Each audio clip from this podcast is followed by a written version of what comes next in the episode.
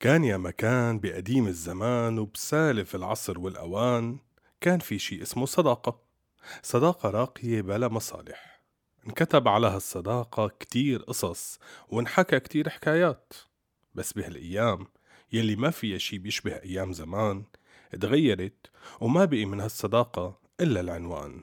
وكم صديق وفي لازم تنحفظ قصصهم بالأذهان. يسعد لي مساكم. القصة مو قصة والحكاية مو حكاية. حكايتنا من الواقع أبدا مو رواية. نحنا عشناها بتفاصيلها المخبأة أبو فاكر بيحكيها من البداية للنهاية.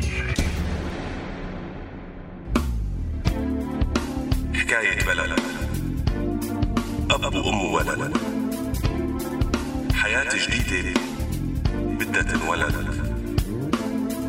حكاية سوريا الروح قبل الجسد. الروح قبل الجسد. هلا مع حكواتي السورياني عاها راديو سورياني خليكم معنا.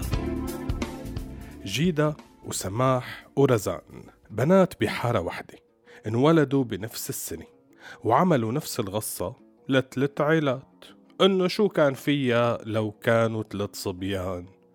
هيك العقلية كانت بهالعيال الثلاثة بس مع هيك حبوهم أهلهم وما قصروا عليهم بشي. ربيوا هالبنات سوا. كان كل كم يوم نسوان الحارة يجتمعوا وهالبنات يلعبوا مع بعضهم لحتى انخلقت بيناتهم روابط قوية كتير وصاروا رفقات مثل الأخوات. وكانوا كل ما كبروا أكتر صداقتهم تكبر معهم أكتر وأكتر. فاتوا على نفس المدرسة وقضوا سنين دراستهم مع بعض. كان لكل وحدة فيهم شخصيتها الخاصة فيها وستايلها اللي بيميزها. جيدا كانت سمرة مجذبة وحلوة نحيفة وطويلة. بتتابع أفلام كتير وبتقرأ روايات أجنبية وبتحكي دائما كلمة عربي كلمة إنجليزي. سماح كانت بتتميز بقلبها الطيب الحنون ورواقها وهداوتها ووجهها السمح الطفولي يلي مين ما شافها ما بيقدر إلا يحبها. أما رزان فكانت مثقفة الشلة. دائما رابطة شعراتها ربطة عالية بتعطيها جدية وركازة. كتابها ما بينزل من إيدها. عيونها الكبار السود يلي ببينوا من وراء عدسات نظارتها بدلوا على حدة الذكاء الموجود عندها. وعلى الرغم من كل هالاختلافات اللي بيناتهم إلا أنه قدروا يشكلوا ثلاثي مثالي الكل بيحكي عنه. بس طبعا ومثل كل البنات ما بيخلى الأمر من غيرة ببعض الأحيان ومناقرات. شي بطعمة؟ وشي بلا طعمة شي ليش لبستي مثلي؟ شي مين أحلى من مين؟ شي انتو خبيتوا علي وما قلتولي. ومن هالقصص البناتية اللي ما بتخلص. بس لما كان يجد الجد كانت المحبة اللي بيناتهم هي اللي تسيطر وتتغلب على كل شي. كان كتير من بنات الحارة يغاروا منهم ويحاولوا يوقعوا بيناتهم. بس كل مرة كانوا يقدروا يتفاهموا بين بعض وتطلع رفقتهم هي الأقوى. ما أحلى أن في خير وسلام. في خير وسلام. ما أحلى أن نكون في حب ووئام. في حب ووئام. ما أحلى أن نعيش في خير وسلام. في خير وسلام. ما أحلى أن نكون في حب ووئام. بعد الصف العاشر كانوا البنات مثل كل الطلاب على مفترق طرق. علمي لما أدبي اجى الوقت ليختاروا وميولهم هي اللي تحدد مستقبلهم. جيدا كانت بتعرف حالها إنه من أنصار الفرع الأدبي لأنها بتحب اللغات وحابة تكمل بهالمجال. فليش لحتى تضيع وقت وتتعب حالها بدراسة مواد علمية وهي ما رح تستفيد منها لقدام أما سماح ورزان فالفرع العلمي كان خيارهم. وعلى الرغم من بساطة هالقرار وأهميته إلا أنه شكل ضغط على الثلاثة. هي أول مرة بعد 16 سنة رح يتفرقوا رح يسمحوا لشي يفرق بيناتهم ولو بشكل مؤقت. طبعا هالضغط كان أكتر شي على جيدا يلي حست حالها عم تبعد عن رفقاتها وحتشق طريقها لأول مرة لحالها. ومثل ما كل شي عم يمضى بسرعة مرقوا سنتين الثانوي بسرعة وخلصوا الصبايا بكالوريا. وخلال هالسنتين كانوا محافظات على اجتماع أسبوعي للشلة ما بيصير بدونه. وكل ما يصح لهم بعد المدرسة يجتمعوا ولو تمشاي على طريق الرجعة ما كانوا يقصروا. بس مع هيك ضل بقلبها لجيدة غصة. كانت دائما تحس أو عندها قناعة إنها هي بقيت وحيدة بالوقت اللي سماح ورزان قربوا من بعض أكتر.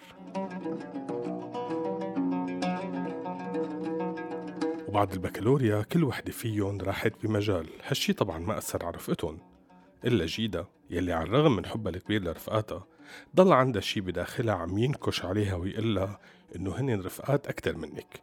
انت خارج القوس. يمكن هالشي صح نتيجة إنه هن كملوا الثانوي سوا ويمكن كانت هي عم تتوهم.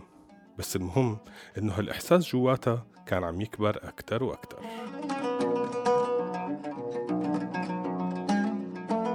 وبيوم من الأيام وبمباني كلية الآداب التقت جيدا بالشاب اللي حبته وحبها وبلش يرجع لها الثقة والأمان.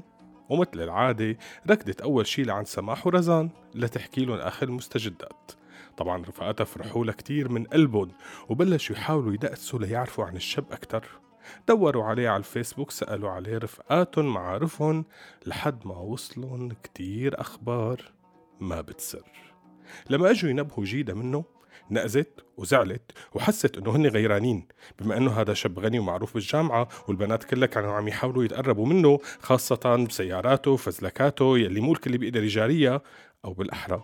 قلال كتير يلي بيجاروها. أكيد رفقاتي غيرانات مني. مو معقول.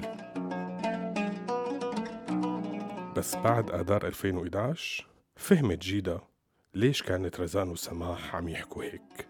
حست من وقت اللي بلشت الثورة إنه صار واحد تاني. لمست جواته كره وقوة وشر ما كانت تتوقعهم كان لما يحكي عن المظاهرات والناس اللي عم يطلعوا فيها يحكي كأنه عم يحكي عن عن حشرات لازم يدعسوا بالصرامي أو يقول إنه لو القصة بإيده كان فتح رشاش عليهم وما خلى واحد منهم عايش. ولما بلشت المخابرات تفتح الرشاشات على الناس كان مبسوط وما كفاه هالشي كان بده إياهم يتعذبوا. هالشي خلاه يصير جزء من المنظومة الداعمة للنظام وبلش يلاحق طلاب الجامعة اللي معهم يلي حاولوا يعملوا كم مظاهرة بقلب الجامعة. ما تخيلت إنه ممكن تشوف وش حبيبها فيه كل هالشر هذا وهو ماسك العصاية وراكد هو وشباب اتحاد الطلبة مشان يفكوا الاعتصام اللي انعمل بحرم الجامعة. بس مع هيك كانت تقول لحالها أنا ما دخلني بالسياسة طول عمري ما بحبها ما رح أسمح لشي بعدني عن الشاب اللي اخترته. بدي أقدر أفصل حياتي الشخصية عنها بس يا ترى يا جيدا القصة هي بس سياسة؟ أسمع مني المفيد عهد كتير وتقاليد. المجتمع اجتمع ضد التجديد. فكر الناس تعبان عيان ومريض. ابحث معايا تدور على المستفيد.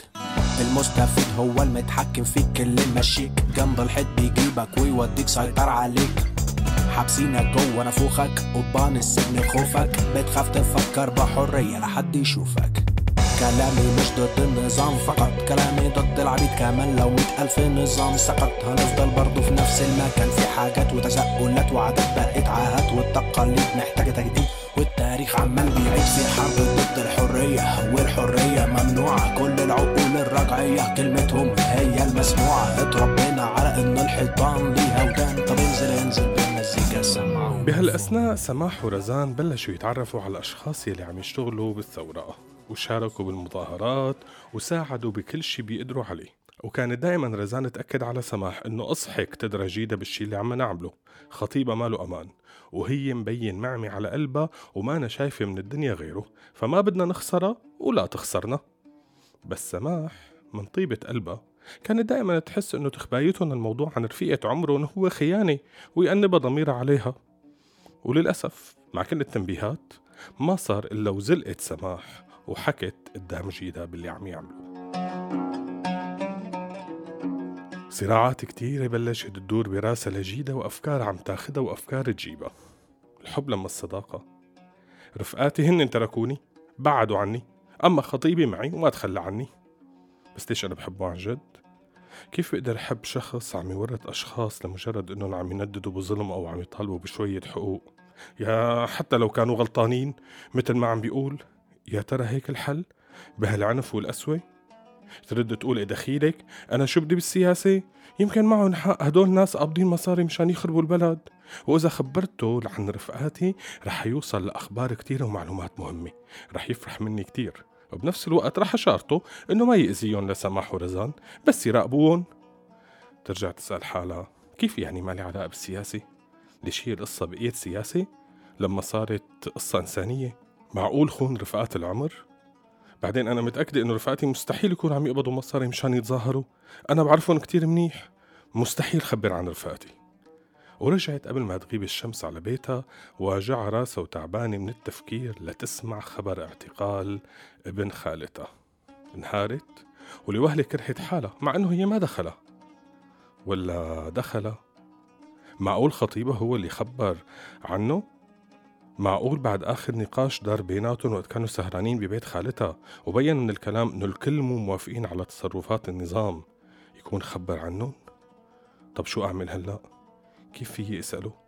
كيف فيي أتأكد بدون ما أسأله؟ لأنه أكيد ما حيخبرني دوامة جديدة فاتت فيها وما عاد عرفت تطلع منها وقررت إنه تلجأ لرفقاتها يلي بتعرف إنه هن حيساعدوها ويحموها ويفدوها بروحهم وقتها عرفت إنه القصة مو الصداقة أقوى من الحب ولا الحب أقوى من الصداقة وقتها عرفت إنه اللي بوقف مع الحق لازم ما يضعف أبدا وهو اللي يكون الأقوى. استودعناكم. لو دي آخر أغنية ليا هفضل أغني عن الحرية. قولوا معايا بصوت عالي. لو دي آخر أغنية ليا هفضل أغني عن الحرية. قولوا معايا بصوت عالي. لو دي آخر أغنية ليا هفضل أغني عن الحرية. قولوا معايا بصوت عالي. لو دي آخر أغنية ليا هفضل أغني عن الحرية. قولوا معايا بصوت عالي.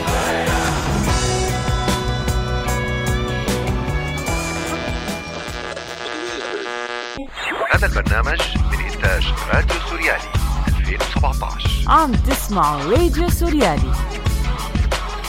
على فكرة هذا مو راديو.